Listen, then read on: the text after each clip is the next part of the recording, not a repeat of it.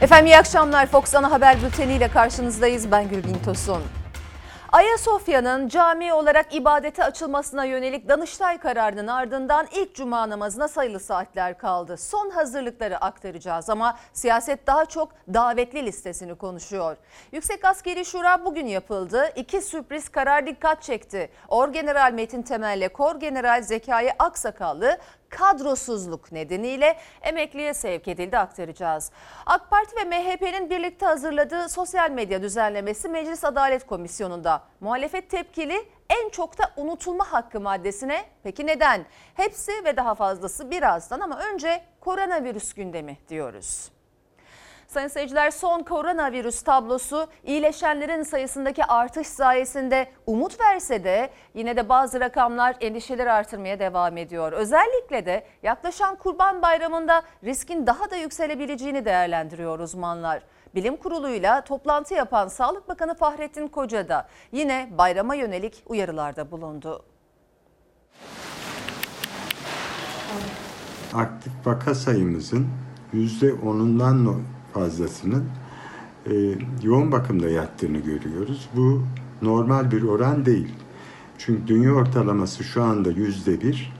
Bizim de e, salgının ilk artış döneminde gördüğümüz oran yüzde ikiler civarındaydı. Yoğun bakımdaki hasta sayısı hala yüksek ama uzun bir süre sonra ilk kez iyileşenlerin sayısı günlük vaka sayısının çok üstünde. Son 24 saatte virüs tespit edilenlerin sayısı ise 902'ye geriledi. Bilim kuruluyla bir araya gelen Sağlık Bakanı Fahrettin Koca toplantıdan sonra yazılı açıklama yaptı. Umut veren tablo sürsün diye Kurban Bayramı uyarısında bulundu. Toplu bayramlaşma yapılmamalı, kalabalık bayram yemekleri düzenlenmemelidir. Ziyaretler sınırlı tutulmalıdır. Bayramlaşmalar mümkün olduğunca telefonla yapılmalıdır. Bayramlaşmayı eğer eski bayramlar gibi yaparsak bunun bize geri dönüşü ağır olabilir diye akılda tutmak lazım. Mevcut tabloda iyileşenlerin sayısı sevindirse de bir günde 19 kişi daha koronavirüs nedeniyle yaşamını yitirdi. Enfeksiyon Hastalıkları Derneği Başkanı Profesör Doktor Mehmet Ceyhan'a göre salgının kontrol altına alınamamasının sebebi sadece belirtisi olanlara test yapılması. Virüs taşıyan, bulaştırma potansiyeli yüksek olan kişi sayısı bizim tahminlerimizden daha fazla olabilir. Market çalışanları, bankacılar, toplu taşıma araçlarının şoförleri Profesör Ceyhan'a göre belirti göstermeseler de sık sık test yapılması gereken meslek grupları var. O halde demek ki burada bizim özellikle daha az belirtisi olan kişilere de test yapmamız ve tarama yaptığımız grupları biraz daha virüsün pozitif olma olasılığı yüksek ve etrafa bulaştırma olasılığı yüksek gruptan seçmemiz gerektiği ortaya çıkıyor. Mehmet Ceyhan'a göre son dönemdeki vakaların yaş grubu da daha yüksek. Bu da yoğun bakım ihtiyacını artırıyor. Ancak asıl endişe yaklaşan Kurban Bayramı'na yönelik. Bayramlaşmalar e, kabul etmek gerekir ki bu salgında hasta sayısını, virüs bulaştıracak kişi sayısını artırma potansiyeli olan ve bu risklere katkıda bulunan bir olay. Bu öyle bir toplumsal olay ki bildiğimiz gibi sadece belli bir grubu ilgilendirmiyor. Bütün ülkeyi ilgilendiriyor. Ülkenin genelini ilgilendiren risk bilim kurulu toplantısında da masadaydı. Sağlık Bakanı Fahrettin Koca toplantıdan sonra alınması gereken tedbirleri sıraladı. Taşıtlarda kalabalık olmamasını, bayram namazlarının açık alanda sosyal mesafeyle kılınmasını istedi. Kurban kesiminde ve et dağıtımında hijyene normalden daha fazla dikkat edilmelidir. Hiçbir şekilde el sıkma, kucaklaşma olmamalıdır. Bakan Koca 24, 25, 26 Temmuz'daki son futbol karşılaşmaları için de uyardı. Futbol coşkusunun salgın tehdidini unutturmayacağını umuyoruz dedi. 31 Ağustos'ta okullar açılacak mı? Açılırsa Sağlık Bakanlığı'nın yayımladığı maskeli ve mesafeli eğitim kriterlerine okullar hazır mı? Eğitimciler okullar kriterlere uygun değil diyor. Milli Eğitim Bakanı Ziya Selçuk da 3 öğrencinin yan yana oturması asla mümkün değil diyerek 4 farklı eğitim senaryosundan bahsetti. O senaryolar arasında seyreltilmiş eğitim formülü dikkat çekti. Bu formüle göre belli günlerde ve yarı mevcutla okula gidilecek. Belirli günlerde okulu açıp mesela diyorum. Bakın meselanın da altını çiziyorum. Pazartesi, salı günü okulları açtık. Bir sınıfın yarısı sınıfa geldi. Çarşamba günü okulu temizledik. Perşembe ve cuma günü diğer yarısı sınıfa geldi. Cumartesi de sınav grupları ayrıca geldiler. Pazar günü okulu temizledik. Pazartesi tekrar devir daim başladı. Sınıf mevcutları yarıya bölünecek. Sınıfın yarısı haftanın ilk iki günü, diğer yarısı ise son iki günü okulda olacak. Milli Eğitim Bakanlığı'nın seyreltilmiş eğitim adını verdiği okullar açılırsa eğitim nasıl olacak sorusuna bulduğu formüllerden biri de bu oldu. Sınıflar 36 metrekare ile 40 metrekare arasında değişiyor. Bu durumda 10 öğrenci bir sınıfa yerleştirmeniz gerekiyor. Onları da çapraz oturtmanız gerekiyor. Peki 36 kişilik sınıflarda nasıl yapacaksınız bunu? Bizim sınıflarımız genellikle 50 metrekare civarında. Bu şunu gösteriyor. Sınıflarda 20'nin altında çocuk olmalı. Ve o aralıklar kenarlara sıralar yayılarak yapılmalı. Bunu yapacağız. Nasıl yapacağız? Sınıfın yarısı gelirse 15 kişi gelsin. 15 kişiyi ben o sınıfa oturturum. Günlerce tartışıldı okulların 31 Ağustos'ta açılıp açılmayacağı, açılması halinde Sağlık Bakanlığı'nın şart koştuğu kriterlere yani fiziki ölçümlere ne kadar hazır olduğu, eğitimcilerin itirazlarına Milli Eğitim Bakanı Selçuk da ilk kez aynı çizgide cümleler kurdu. Verdiği detaylar olası senaryolardan biri olan seyreltilmiş eğitimi işaret eder gibiydi. Ders seyreltmesi olarak belirli günleri devreye sokarak buna seyreltilmiş diyoruz. Milli Belirli Eğitim günleri Bakanı Ziya Selçuk CNN Türk'te tarafsız bölge programında Ama konuştu. Dört farklı bu- eğitim senaryosunu anlattı. İlki okulların tamamen açılması, diğeri tamamen kapatılması ve bu süreçte öğrencilerin uzaktan eğitim almaya devam etmesi. Ama bakanın sosyal mesafeye vurgu yaparken kurduğu bir cümle üçüncü senaryonun yani seyreltilmiş eğitim modelinin masadaki en kuvvetli olasılık olduğunu ortaya koydu. Yan yana üç öğrencinin oturması asla mümkün değil. Salgında seyir kötüye gitmezse 31 Ağustos'ta okulları açacağız dedi Bakan Selçuk. Seyreltilmiş eğitim modeline göre bir sınıf ikiye bölünecek ve farklı günlerde okula gelecek öğrenciler. Hatta ders sayısı da azaltılacak. Örneğin 8 dersin 4'ü uzaktan eğitim, 4'ü yüz yüze yapılacak. Dördüncü senaryoya göre ise salgın riski yüksek illerde farklı bir eğitim takvimi işleyecek. Hiçbir vaka olmayan illerin durumunu eşit koşullarda ele alamayız. Bu da dördüncü konu. Ola ki 5 ilde problem var. Türkiye'nin geri kalanında yok. O illere özel uygulama yapılır. Sınıflar, okul bahçesi, koridor, tuvaletler, okulların içi dışı her alanı kapsayan denetimlerin yapıldığını, eğitim başladığındaysa öğrencilere maskelerin dağıtımının okullar tarafından yapılacağını da açıkladı bakan. Gözler şimdi salgının seyrinde ve ilan edilecek modelde. Salgının en etkili olduğu dönemde aylarca evde kapalı kaldı 65 yaş üstü. Normalleşme adımlarıyla hemen hemen tüm yasaklar sona erdi ama onların sokağa çıkış saatlerindeki kısıtlama değişmedi. Türk Tabipleri Birliği'ne göre saat 10 ile 20 arasındaki sokak izinin tıbbi bir dayanağı da yok. Bunalıma geliyor. Ben stresteyim şu an. İlk defa sokağa çıkıyorum bugün. Psikolojik tedavi görüyorum. Yani rahatsız etti beni. Evde kalma. Evde kalmak. Hareketsizlik etkiliyor. Ben zaten e, kendim rahatsızım, bypass falan geçirdim. Bu gruba yönelik bütün kısıtlamalar ivedi olarak kaldırılmalıdır. Çağrı Türk Tabipler Birliği'nden geldi. Normalleşme adımlarıyla neredeyse tüm kısıtlamalar gevşetildi ama 65 yaş üstüne yasaklar esnemedi.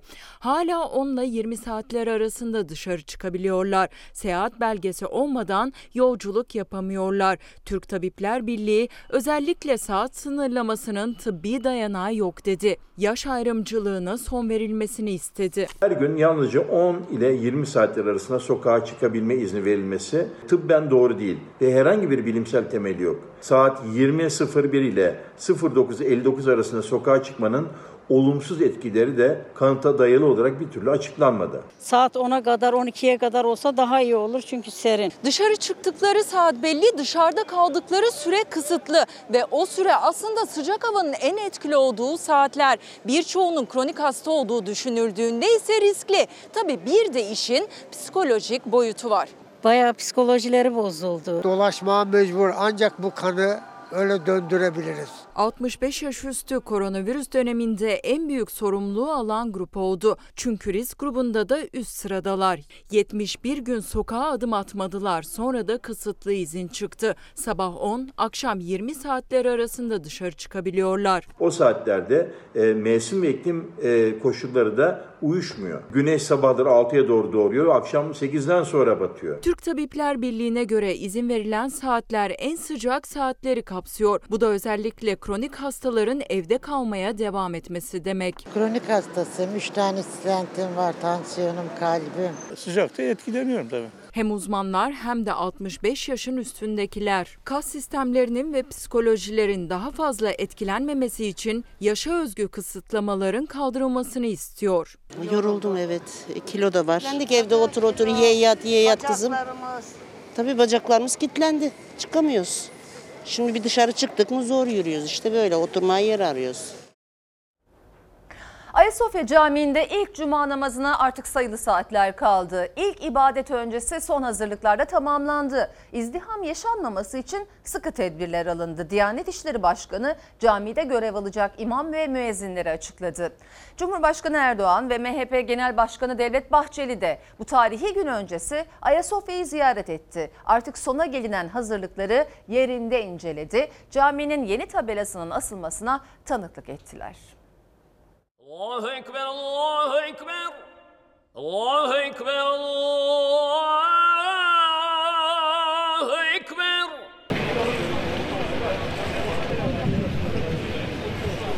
Ayasofya Camii'nde ilk namaz için geri sayım sürerken Cumhurbaşkanı Erdoğan, MHP lideri Devlet Bahçeli ile birlikte sürpriz bir ziyaret gerçekleştirdi Ayasofya'ya. O anlarda yeni isminin yazılı olduğu tabelada asıldı. Artık Ayasofya'nın girişinde Ayasofya'yı Kebir Cami yazıyor.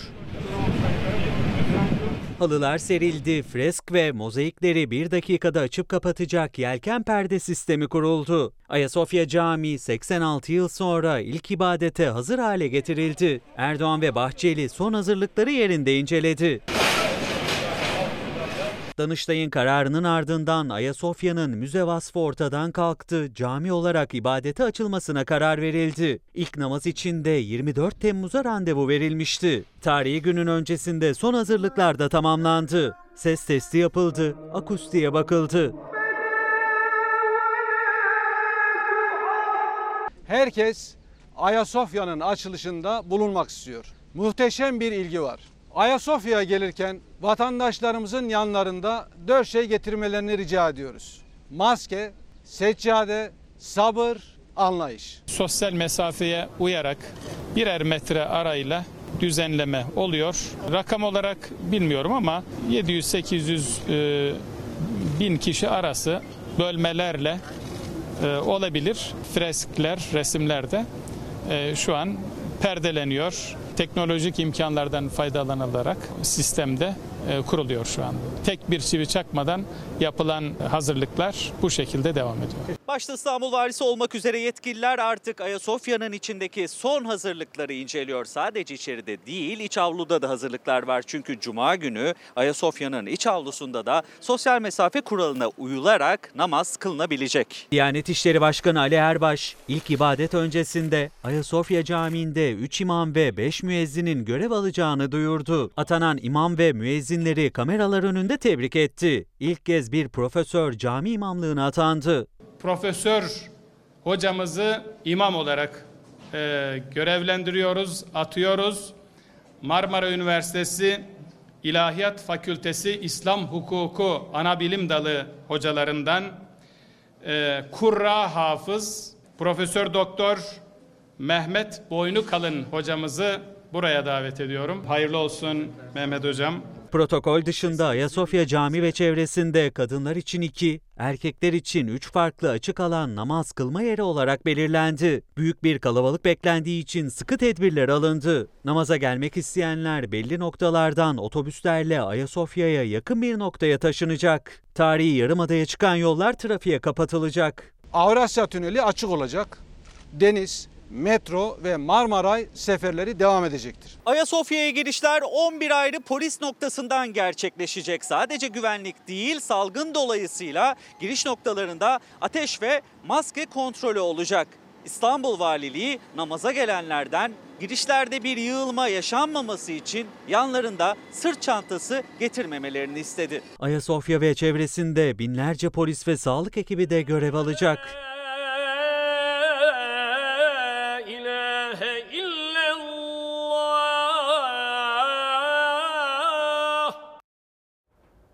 Gözler 86 yıl sonra Ayasofya'da kılınacak namazda ama siyaset daha çok davetiye konusunu konuşuyor.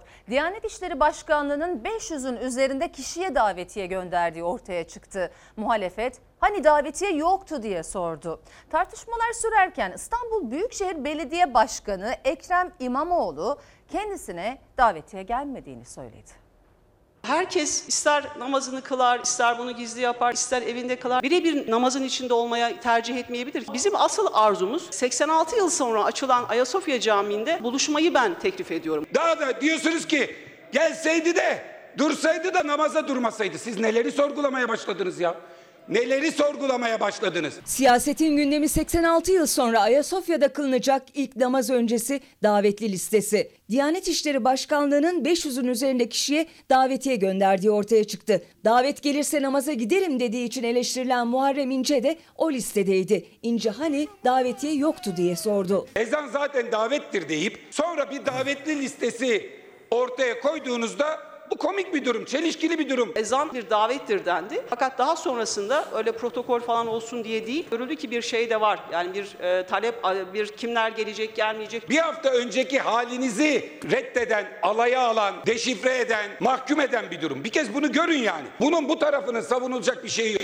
Bir protokol listesi, VIP listesi gibi e, ifade etmek de doğru değil. Allah'ın evinde protokol olmaz. VIP olmayan ayrımı olmaz. Orada herkes eşittir. Cumhurbaşkanlığı Sözcüsü İbrahim Kalın da 5 gün önce kurmuştu bu cümleyi. Allah'ın evinde VIP olmaz diyerek. AK Parti Grup Başkan Vekili Özlem Zengin ise kim gelecek kim gelmeyecek yönünde talep var dedi. Davet listesinin onun için olduğunu söyledi. Davete icabet etmeyenlerin heyecanının neredeyse hiçe yakın olduğunu görüyorum. Sayın Özlem Zengin, birilerinin sizin giyinişinize, ibadetinize yasak koyması ne kadar kabul edilemezse sizin de efendim bu davete icabetle samimiyetinizi ortaya koysaydınız lafı arasında hiçbir fark yok. Organizasyonu orada sağlıklı bir şekilde e, hayata geçirebilmek için bir planlama yapıldı. Davet bekleyenlerin İslamiyet'e uzak olduğunu söyleyenlerin daha sonra VIP CIP listesi yapıp sonra da davete icabet etmeyenlerin savrulmakta olunan yer çok tehlikeli. Birebir e, namazın içinde olmaya tercih etmeyebilir. Bizim asıl arzumuz 86 yıl sonra açılan Ayasofya Camii'nde buluşmayı ben teklif ediyorum. Bunu yapmayın. Buradan bir siyaset çıkmaz.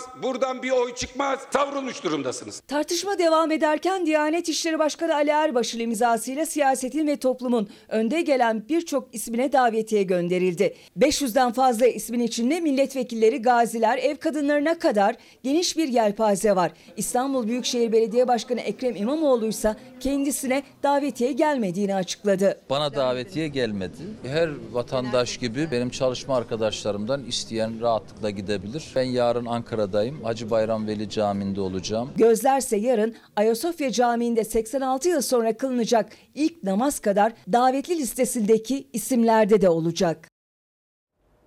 Sayın seyirciler Muğla'da kaybolduktan sonra cesedi ormanlık alanda bulunan üniversite öğrencisi Pınar Gültekin'in acılı babası kızını anlattı. Sıddık Gültekin ben onu kimseye muhtaç olmasın ayaklarının üzerinde dursun diye okuttum dedi. Öte yandan vahşi cinayeti işleyen katil zanlısının ailesi ise cinayet hakkında haberlerin engellenmesi için savcılığa gizlilik talebinde bulundu.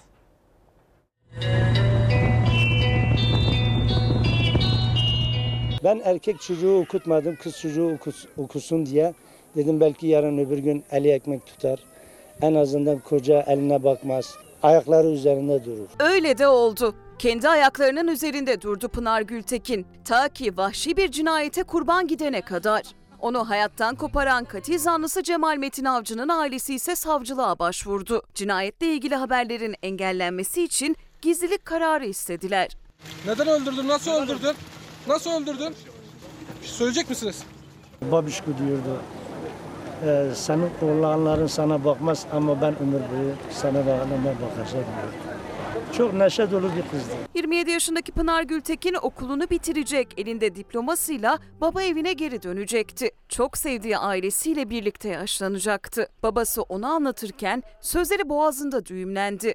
Koruyamadım dedi. Benim kızım gerçekten neşe dolu bir kızdı. Derslerinde de başarılıydı. Hunharca öldürüldü maalesef. Koruyamadım ben. Ben koruyamadım kızımı. Kelimelere sığdıramadı kızını. Yaşasaydı yurt dışına da gönderecekti. Okusun, hayallerini gerçekleştirsin diye. Çok büyük hedefleri vardı. Okulu bitirir bitirmez ben ya Amerika'ya ya İngiltere'ye göndermeyi düşünüyordum. Yani borç edecektim, harç edecektim.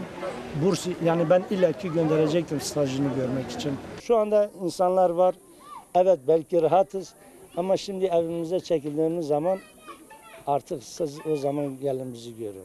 Evlerine çekildiler, kızlarının mezarına gidemediler. Pınar'ın toprağa verildiğinin ertesi gününde acılarıyla baş başa kaldılar. Köylülerse yalnız bırakmadı Pınar'ı. Mezarının başında dua ettiler.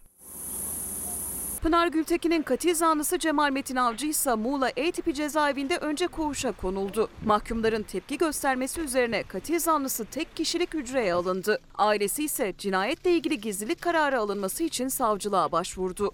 Neden öldürdün? Nasıl öldürdün? Nasıl öldürdün? Bir şey söyleyecek misiniz? Pınar'ın vahşice katledilmesine kadınların tepkisi de devam etti. Konya ve Kayseri'de bir araya gelen kadınlar cinayetlerin son bulması için ses yükseltti. Kadınlar öldürülmesin. Kadına şiddet son bulsun. Sayın seyirciler Türkiye ile Yunanistan arasında yaşanan Doğu Akdeniz gerilimine Fransa'da dahil oldu. Cumhurbaşkanı Macron Avrupa Birliği'ne Türkiye'ye yaptırım çağrısında bulundu. Ankara küstah çıkışı anında yanıt verdi. Fransa Cumhurbaşkanı Macron Yunanistan'ın asılsız kıta sahanlığı iddialarına destek verdi. Avrupa Birliği'nin Türkiye'yi cezalandırmasını istedi. Türkiye Macron'un haddini aşan açıklamalarına tepki gösterdi. Türkiye'ye karşı yaptırım çağrısında bulunan Macron, Libya'daki toplu mezarların arkasındaki suçluların en büyük destekçisi. Macron, Türkiye ile uğraşmak yerine Fransa'nın rotasını düzeltmelidir. Türkiye'nin Meis Adası yakınlarında yeni sismik araştırma yapacağını ilan etmesi Yunanistan'ı karıştırdı. Atina yönetimi Türkiye'nin kıta sahanlığına girerek egemenlik haklarını ihlal ettiğini öne sürdü. Avrupa Birliği ülkelerinden destek istedi. Doğu Akdeniz'de Türkiye'nin etkisini artırmasından rahatsız olan Fransa'da devreye girdi. Cumhurbaşkanı Macron, Kıbrıs Rum kesimi lideri Anastasiadis'le görüşmesinin ardından konuştu. Yunanistan ve Kıbrıs Rum kesiminin arkasında durdu. Avrupa Birliği üyelerinin deniz alanlarının ihlal edilmesi ve tehdit altında olması kabul edilemez. Bunları yapanların cezalandırılmaları gerekir. Macron Doğu Akdeniz'de Türkiye ve Rusya'nın öne çıkmaya çalıştığını, Avrupa Birliği'nin bu konuda geride kaldığını savundu. Suriye'den Libya'ya, Doğu Akdeniz'den terörle mücadeleye kadar farklı cephelerde elde ettiğimiz tarihi başarılar ülkemizin gücünü ve ordumuzun yeteneklerini ortaya koymaktadır. Türkiye ile Yunanistan arasında kıta sahanlığı gerilimi sürerken Alman Bild gazetesi çarpıcı bir iddia attı ortaya. Almanya Başbakanı Merkel'in iki ülke arasında sıcak teması son anda önlediğini öne sürdü. Gazete iki ülke donanmalarının Meis Adası açıklarında karşı karşıya gelmeden Yunanistan Başbakanı Mitsotakis'in Merkel'i aradığını yazdı. Bunun üzerine Merkel, Cumhurbaşkanı Erdoğan'ı arayarak Ankara-Atina arasında arabuluculuk yaptı. İki liderin telefon görüşmesiyle anlaşmazlık giderildi.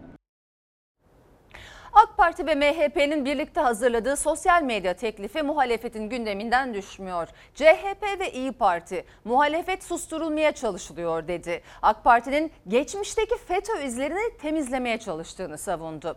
Teklifin Meclis Adalet Komisyonu'ndaki görüşmeleri de başladı.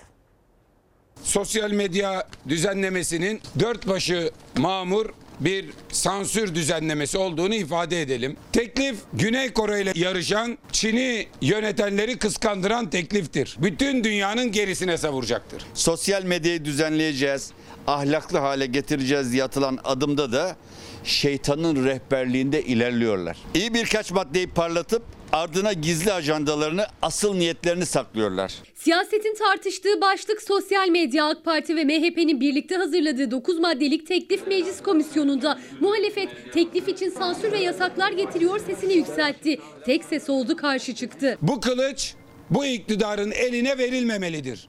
Eline bu kılıcı alırsa düşünce özgürlüğünü ortadan kaldırmaktan başka bir sonuç asla doğurmayacaktır. Sosyal medyadaki hakarete, küfüre, tacize son vermeyi hedefliyoruz. Buradaki asıl amaç da e, bu e, mecraları kullanılmaz hale getirmek değil. Sosyal medyadan rahatsızlık duydukları kadar hırsızlıktan hiç rahatsız olmadılar. Hukuksuzluklardan hele hiç rahatsız değiller. Ellerinde olsa internete girdiğinizde tuşa bastığınızda hepimizi receptayyip.erdoğan.com.tr adresine yönlendirecekler. Cumhurbaşkanı Erdoğan'ın sosyal medya konusunda yasal düzenleme şart çıkışıyla alevlenmişti tartışma. Muhalefet teklif üzerindeki endişelerini en sert cümlelerini kurarak dile getirdi. Bu tasarı muhalefetin sesini keserken tek adam yönetimini eleştirmeyen, güvence altına alacak bir sosyal medya inşa etme çabasında. Bu sosyal ağ sağlayıcılarına da Türkiye'de e, bir merkez oluşturmalarını, Türkiye'de bir temsilci aslında belirlemelerini istiyoruz. Muhalefet susturulmak isteniyoruz dedi. En çok da düzenlemede yer alan unutulma hakkı maddesine çattı. Bu madde internette var olan içerikleri çıkarmaya izin veriyor. MHP'nin AKP'ye ettiği hakaretleri kayıtlardan silme, AKP'nin FETÖ'ye yaptığı övgüleri internetten silme, kendisini sosyal medya üzerinden temize çekme, kendilerine genel af çıkarma kanunundan başka bir şey de değildir. Hükümet bu şekilde geriye dönük olarak da kendini aklamış oluyor. İnternete bir giriyorsunuz, bakıyorsunuz ne makara kalmış, ne bakara kalmış, ne sıfırlama var, ne beş müteahhit var, hiçbir şey yok. AK Parti'nin FETÖ'yle yaşadığı o ihtiras, aşk ve ihanet dolu ittifakları bile tarih olacak. Karşılıklı sözler, resleşmeler, gözler komisyonda. Orada da dikkat çeken görüntüler vardı. AK Partili ve MHP'li yani teklifin sahibi olan milletvekilleri kendi söz haklarını kullandıktan sonra sıra muhalefete gelince salondan ayrıldılar. Muhalefet boş koltuklara konuştu. Ben böyle boş sandalyeleri konuşacağım. Önemli değil. AK Partili Mehmet Metiner FETÖ'cülerden pişmanlık gösterdi diye görevlerine iade edilenler var demiş. İçişleri Bakanı Süleyman Soylu tepki göstermişti. CHP Grup Başkan Vekili Özgür Özel bu iddia üzerinden İçişleri Bakanı'na hedef aldı. FETÖ itirafçısı 3 vali yardımcısı 2 kaymakamın görevlerine iade edildiğini söyledi. İddialara yanıt İçişleri Bakanlığı'ndan geldi.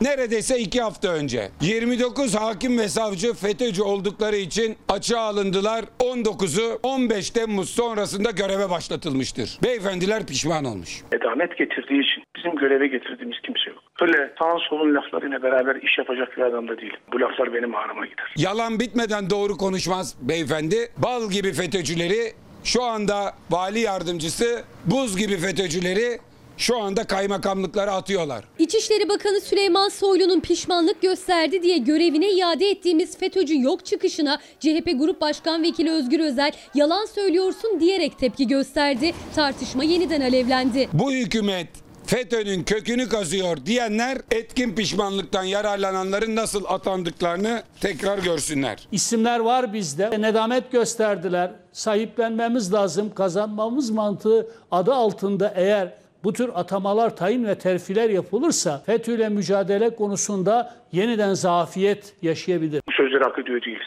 Bir tek FETÖ'cü göreve gelmişse ve bu söylenmiyorsa bu ülkemize ihanettir. Ben getirmişsem ben ihanet ediyorum ülkeme. Çok üzüldüğümü ifade etmek istiyorum. Müsaade eder misiniz? Ya ben müsaade falan etmiyorum. Aynı Sizden şekilde müsaade devam. istemiyorum. FETÖ'cülerin göreve getirildiği iddiası yönündeki tartışma AK Partili Mehmet Metiner'in açıklamaları ve İçişleri Bakanı Süleyman Soylu'nun canlı yayına bağlanıp yanıt vermesiyle başlamıştı. O tartışmadan yaklaşık 5 gün sonra Sözcü gazetesi iddiaları manşetine taşıdı. FETÖ itirafçısı olan 3 vali yardımcısı 2 kaymakamın görevlerine iade edildiğini iddia etti. Ömer Faruk Yüce ve Hidayet Sarı kaymakam olarak, Yakup Ömeroğlu, Mevlüt Özmen ve Müfit Gültekin vali yardımcısı olarak atandılar. Bunların hepsi FETÖ'cülükten dolayı açığa alınmıştı, yargılanmışlardı. Bu laflar benim ağrıma gidiyor. Kurumumuzun da gider. Ömer Faruk Yüce ve Yakup Ömeroğlu Pensilvanya'da bizzat Oze'yi ziyaret etmişti. Diyor ki etkin pişmanlıktan yararlanmak istiyorum. FETÖ örgütünde yer aldım. Çalışmalarına katıldım. Ziyaretine gittim ama pişmanım. Bildiklerimi anlatayım siz de beni affedin. CHP Grup Başkan Vekili Özgür Özel de Sözcü gazetesinin haberinde yer alan isimler üzerinden yüklendi İçişleri Bakanı'na. Bakanlık iddialara yazılı bir açıklamayla yanıt verdi. Haberde adı geçen 4 mülki idare amirinin yapılan adli soruşturmaları sona ermiş, haklarında beraat, kovuşturmaya yer olmadığı ve ceza verilmesine yer olmadığına dair kararlar verilmiş, soruşturmaları sona ermiştir. Bir mülki idare amiriyle ilgili idari soruşturma ise devam etmektedir. Bu FETÖ'nün kandırdığı ona kurban derisi verenler Bankasına para yatıranlar 6 yıl hapis yatsın. FETÖ'nün godamanları Uçan Saray'da, kaymakamlıkta, valilikte bir elleri yağda, bir elleri balda. CHP tepkili bakanlıksa FETÖ'yle mücadeleyi sulandırmaya yönelik iftiralar dediği iddialar için. Cumhurbaşkanı Erdoğan Yüksek Askeri Şura kararlarını imzaladı. 30 komutan kadrosuzluk nedeniyle emekliye sevk edildi. Emekliye sevk edilen komutanların arasında iki isim çok dikkat çekti. Siyasetin çıraklarına da Türkiye emanet edilmez. 24 Haziran seçimleri öncesi Cumhurbaşkanı Erdoğan'ın rakibi Muharrem İnce'yi eleştirirken verdiği bu görüntüsüyle siyasetin tartıştığı bir isim olmuştu. Orgeneral İsmail Metin Temel yaş kararlarıyla emekliye sevk edildi. 15 Temmuz darbe gecesi darbenin seyrini değiştiren isim Zekai Aksakallı'da. Cumhurbaşkanı Yüksek Askeri Şura üyeleriyle sabah atanın huzurunda Anıtkabir'deydi. Cumhurbaşkanının yaş toplantısında 30 general ve amiral kadrosuzluk nedeniyle emekliye sevk edildi. Yaş kararlarıyla emekliye ayrılan komutanlar arasında iki isim dikkat çekti. Onlardan ilki Afrin operasyonunu yöneten isim Orgeneral İsmail Metin Temel. Yiğit odur, her zorluğa katlanan. Temel daha çok 24 Haziran seçimleri öncesi Cumhurbaşkanı Erdoğan'ın rakibi Muharrem İnce'yi eleştirirken alkışlamış, bir anda kendini siyasette apolet sökme tartışmasının göbeğinde bulmuştu. Senin apoletlerini sökmezsem ben de Muharrem İnce değilim. Kafayı Zeytin Dalı Harekatımızın kahraman komutanı Mete, Metin Temel Paşa'mıza takmış. Sonrasında Genelkurmay'a Denetleme Değerlendirme Dairesi Başkanlığı'na atanan Orgeneral İsmail Metin Temel, Cumhurbaşkanı imzasıyla yaş kararlarıyla emekli edildi. Listede dikkat çeken bir diğer isim de 15 Temmuz gecesi Özel Kuvvetler Komutanlığı'nı arayarak Şehit Ömer Halis Demir'e darbeci Semih Terzi'yi öldürme emrini vererek darbenin seyrini değiştiren isim olan Zekai Aksakallı oldu. 2017'de 2. Kolordu Komutanlığı görevine atanan Aksakallı Fırat Kalkanı operasyonunu yürütmüş, Elbab'ı IŞİD'den temizleyen isim olarak anılmıştı. O da emekli edildi. Genelkurmay Başkanı ve kuvvet komutanlarındaysa bir görev değişikliği olmadı. Bir siyasi parti ilk kez pandemi koşullarında yoğun tedbirler altında seyircisiz ve açık havada parti kurultayı yapacak. CHP 37. olağan kurultayı için hafta sonunu beklerken 68 yeterli imzaya ulaşabilirlerse Kemal Kılıçdaroğlu'nun 3 rakibi olacak. Onlardan biri de eski milletvekili ve FETÖ kumpası mağduru eski Erzincan Cumhuriyet Başsavcısı İlhan Cihaner.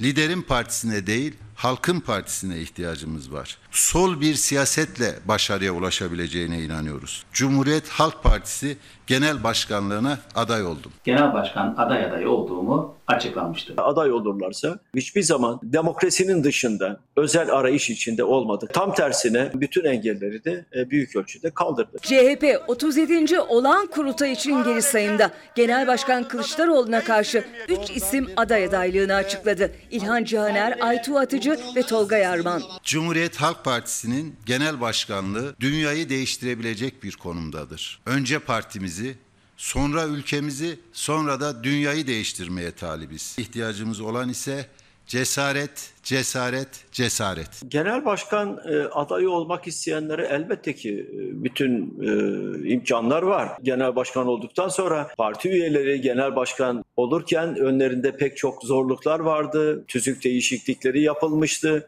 Ben bütün bunların tamamını değiştirdim. Çok daha düşük bir imzayla kararı verecek olan da partinin delegeleridir. 2010'da 33. olağan kurultayda koltuğa oturmuştu Kılıçdaroğlu. O günden bugüne 5 olağanüstü 3 de olağan kurultay gördü. Koltuğunu kaybetmedi. Bu kongrede karşısına çıkan isimlerle yarışması için karar delegenin 1375 kurultay delegesi var CHP'de 68 delegenin imza imzasını alan genel başkana rakip olabilecek. Cumhuriyet Halk Partisi'ne aday olmak herkesin demokratik hakkıdır. Bize yani reform hareketine imza vererek kurultayda bizim de yarışmamızı sağlamanızı istiyoruz. Reform hareketi diyerek aday adayı olan başka bir isim de Mersin eski milletvekili Doktor Aytu Atıcı oldu. Bir diğer isimse CHP kurultay onur üyesi Profesör Tolga Yarman. Sayın Genel Başkanımız da adaylığından ayrı tutmayız. Eğer imzayı bulmuşsa bizim partimizin adayıdır. Oy vermesek de onu dinleriz, gerekli saygıyı gösteririz. Kurultay olağan ama pandemi nedeniyle olağanüstü şartlarda yapılacak. Açık havada ilk kez bir siyasi parti kurultayı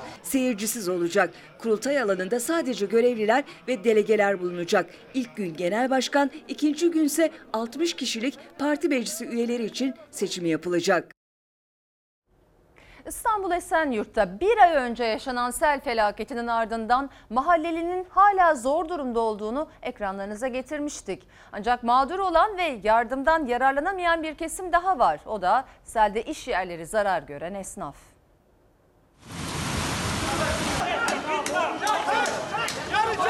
Esnafa red verilmiştir. Esnafa yardım yapılmayacaktır. Nedeni e, burası bir afet bölgesi ilan edilmediği için esnafla yardım yapmıyoruz. Sel mağdura esnaf verilen sözlerin tutulmasını istiyor ama iddialarına göre aradan geçen bir ayda bir daha kapılarını çalan olmadı. 23 Haziran'da İstanbul Esenyurt'u vuran sel afet sayılmadı. Bu yazılı tebliğ edilmediği için yargıda da haklarını arayamıyorlar. Red istiyoruz yani red kağıtlarımızı versinler. Sistemden düşürmelerini bekliyoruz. Düşürmüyorlar. Ee, biz eğer sistemden düşürürse biz hukuku mücadelemize başlayacağız yani. Mahkemeye başvuracağız. Ondan bile sonuç alamıyoruz yani. Yaklaşık işte bir ay geçti yani bu süre. Ee, bizim de yani e, ihtiyaçlarımız var. Kiralarımız var. Bodrum katları suya gömen bir kişinin hayatını kaybettiği sel felaketinden apartman sakinleri kadar İstanbul Esenyurt'taki esnaf da etkilendi. Sattıkları mallar kullanılamaz hale geldi. Onlardan biri de konfeksiyon atölyesi sahibi Mehmet Şirin. 70 bin liralık masraf çıktı ekmek teknesinde. Sel vurduğu gün bu haldeydi iş yeri. Su ve çamur içinde. Biz tam çalışmaya başlarken böyle bir olay geldi başımıza. Bu bir afet olmasa bile burada bir e, hata var yani burada bir e, e, nehir e, söz konusu hata. Valilik mi karşılayacak, İSKİ mi karşılayacak o onların sorunu. Bir ay önce bu dükkan tamamen suların altında kalmıştı. Üretim tamamen durdu. Bir aydır da zaten iş yapamıyor. Yeni yeni toparlanmaya başladı mal sahibi ama hiçbir yardım alamadı. Esnaf olduğu için yardım alamadığını söylüyor. Afet ilan edilmediği için de bu desteğin alınamayacağı söylendi. Ayda 12-13 bin lira benim masrafım var. Eleman hariç yani. İş yok şu anda. Esnaf Mehmet Şirin'e göre afet bölgesi ilan edilmediği için yardımdan yararlanamıyorlar. Oysa ilk gün esnafa yardım edileceği söylenmişti. Masrafların altından kalkabilmek için seslerini duyurmaya çalışıyorlar. İnşallah bizim bu derdimize de bir deva bulurlar inşallah. Bekliyoruz yani büyüklerimizden bekliyoruz. Antalya'da bir seyyar satıcı zabıtalar tarafından dövüldü. Cep telefonuyla kaydedilen zabıta şiddeti sosyal medyada yayınlanınca büyük tepki oluştu. Büyükşehir Belediyesi olayla ilgili soruşturma başlattı. Zabıtalar bir tane meyve satan adamı herkesin göz önünde dövdüler. Bu kadar olmaz ayıp ya. Aralarını aldılar, bir köşede sıkıştırıp dövdüler. Seyyar satıcıyı sokak ortasında darp eden zabıtalar tepkilere de aldırış etmedi. Hala hala. Antalya'da denetime çıkan Büyükşehir Belediyesi zabıta ekipleri cadde üzerinde meyve satan bir seyyar satıcıyla tartıştı. İddiaya göre seyyar satıcı kadın zabıtaya küfür etti, üzerine yürüdü. Olaya tanıklık eden dört erkek zabıta satıcıyı tartaklamaya başladı. Zabıtalardan biri seyyar satıcıyı yakasından tuttu kafa attı. Yazık ya. Şehrin göbeğinde yaşanan olay bir vatandaş tarafından cep telefonuyla kaydedildi. Tepki çeken görüntüler sosyal medyada yayınlanınca Antalya Büyükşehir Belediyesi harekete geçti. Zabıtalar bir tane meyve satan adamı herkesin göz önünde dövdüler. Bu kadar olmaz ayıp ya. Belediye Başkanı Muhittin Böcek zabıta şiddetinin kabul edilmeyeceğini belirterek olayla ilgili soruşturma başlatıldığını duyurdu. Yazık ya. Vahşice katledilen Pınar Gültekin'in yüreklerdeki acısı henüz tazeyken bir kadın daha cinayete kurban gitti. 8 yıllık eşini uykusunda öldüren o caninin pişkin savunması diğer kadın cinayetlerinde olduğu gibiydi. Vefat eden kişinin ablasını arıyor.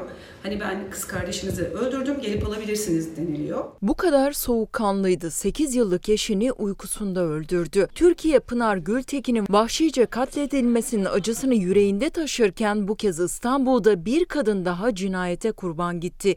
İki çocuğunun annesini gözünü kırpmadan öldüren Ünal Ö cinayeti itiraf etti. Tutuklanarak cezaevine gönderildi. İfadesi ise ölümün göz göre göre geldiğinin kanıtıydı. Olaydan 4 gün önce de boğazını sıktım. Sabah olunca ailesinin evine gönderdim. Daha sonra aile büyükleri araya girdi. Bunlar zaten tartışıyorlar. Tartıştıktan sonra annesinin yanına gidiyor. Belli bir süre ailesinin yanında kalıyor. Daha sonra hani yuvam yıkılmasın çocuklarımız var. Eşi de ben seni seviyorum falan diyor. Kız dönüş yapıyor. İstanbul Büyükçekmece'de yaşayan çift 8 yıllık evliydi. İki küçük çocukları vardı. Daha önce de tartıştılar ama araya aileler girdi. Son tartışmanın sebebi ise Ünal Öğün'ün ifadesine göre kıskançlıktı. Tüm kadın cinayetlerinde olduğu gibi yine öldüren öleni suçladı. Babamı aramak için eşimin telefonunu aldığımda bazı programlar üzerinden eşimin yazışmalarını gördüm. Kendisini uyardım. Uygulamaları kaldıracağını söyledi. Bu daha sonra da devam etti. İki seneden beri tanıyordum kadını. Kötü bir davranışını görmedim. Yani ne bileyim şoktayım daha yani. Gece uykusunda boğarak öldürdü Sonbahar Öğü'yü eşi. Sonra da talihsiz kadının kardeşlerini arayıp cinayeti haber verdi. Ünal Ö tutuklanarak cezaevine gönderildi. İki çocuk annesiz kaldı. Türkiye'nin ise kadın cinayetlerinin biteceğine dair umudu bir kez daha yara aldı. Sayın seyirciler iki oğluna da lösemi teşhisi konulan anne yıllardır çocukları için mücadele veriyor. Bu süreçte en büyük desteği Lösemili Çocuklar Vakfı LÖSEV'den gören aile Kurban Bayramı öncesi bağış çağrısında bulundu. Lösemi olduğunu söylediler. Tabii o günü hiç hatırlayamıyorum. Yani çok yıkıcı oldu benim için. Benim başıma gelmese tabii ben de bilmiyordum. Ama herkes LÖSEV'e bir bağışta bulunsun. Bir can, bir hayat kurtarmak için sadece küçük bir bağış olsun. LÖSEV bağışlarla ayakta duran bir hastane. İki çocuğu da lösemiye yakalanan bir anne o. Lösemiyle büyük oğluyla tanıştı. Tam geçti derken yükseltti. Nakil oldu bitti derken bu kez de küçük oğluna teşhis konuldu. 8,5 yıldır mücadelesinde en büyük destekçisi LÖSEV. LÖSEV olmasaydı ilaç sıkıntısı, kan sıkıntısı sürekli kan aramak zorunda kalıyordu. Umut 15, Ahmet ise 12 yaşında. 2012 yılında Umut'a lösemi teşhisi konuldu. Nakille iyileşti. Bu kez kardeşine aynı teşhis konuldu. Yani o anda da yine aynı şey yaşadım. İlk aklınıza gelen LÖSEV oldu. Lösemili Çocuklar Vakfı LÖSEV'in desteğiyle Ahmet de tedavisinde büyük yol kat etti. LÖSEV'e gittik. İlaç sıkıntımız yoktu, kan sıkıntımız yoktu. Sadece tedavide destekçi değil, gıda kolisi gibi sosyal yardımlarda da bulunuyor LÖSEV ailelere. Yapılan bağışlar çocukların ve ailelerinin hayatını aydınlatıyor. Elimizi 1250 TL olarak belirledik. Vekaleten kurban bağışıyla ilgili. Çünkü 7 hisseyle bir büyük baş hayvanın kurban edilmesi söz konusu. Ama nakdi bağışlarla ilgili herhangi bir sınırımız yok. LÖSEV'e çok çok teşekkür ederim. LÖSEV bizim için kocaman bir ailemiz. Türkiye Gazeteciler Cemiyeti'nin her yıl düzenlediği basın özgürlüğü ödül töreni bu yıl öncekilerinden farklıydı. Koronavirüs tedbirleri kapsamında kısıtlı katılımla sembolik bir tören düzenlendi. Basın bayramı değil, 24 Temmuz'ları basın özgürlüğü için mücadele günü olarak e, anıyoruz. Maalesef kutlayacağımız bir bayram yok. Gazetecilerin kutlayacağı bir basın bayramı yok. Gazeteciler işsizlikle karşı karşıya. Gazetecilere göre basın bayramı değil basın özgürlüğü için mücadele günü 24 Temmuz. Bu özel gün öncesinde Türkiye Gazeteciler Cemiyeti her yıl basın özgürlüğü ödül töreni düzenliyor. Koronavirüs nedeniyle bu yılki tören sembolik olarak basın müzesinde gerçekleşti. Basın özgürlüğü için e, nasıl mücadele etmiş, arkadaşlarına nasıl destek çıkmış. Bu ödülü verilirken seçici kurulu özellikle üzerinde durduğu en az bir yıllık performansı gazeteciler. Türkiye Gazeteciler Cemiyeti 1989 yılından bu yana düzenliyor basın özgürlüğü ödül törenini. Bu yıl Evrensel Gazetesi Genel Yayın Yönetmeni Fatih Polat ödüle layık görüldü. Bu ödül bana tabii sorumluluk yüklüyor. Yani e, artık hani evinde oturamazsın diyen bir sorumluluk bu. Kurum dalındaysa ödül basın müzesinde sergilenmek üzere işsiz gazetecilerin oldu. İşini kaybedenler adına ödülü Türkiye Gazeteciler Cemiyeti Genel Sekreteri Sibel Güneş aldı.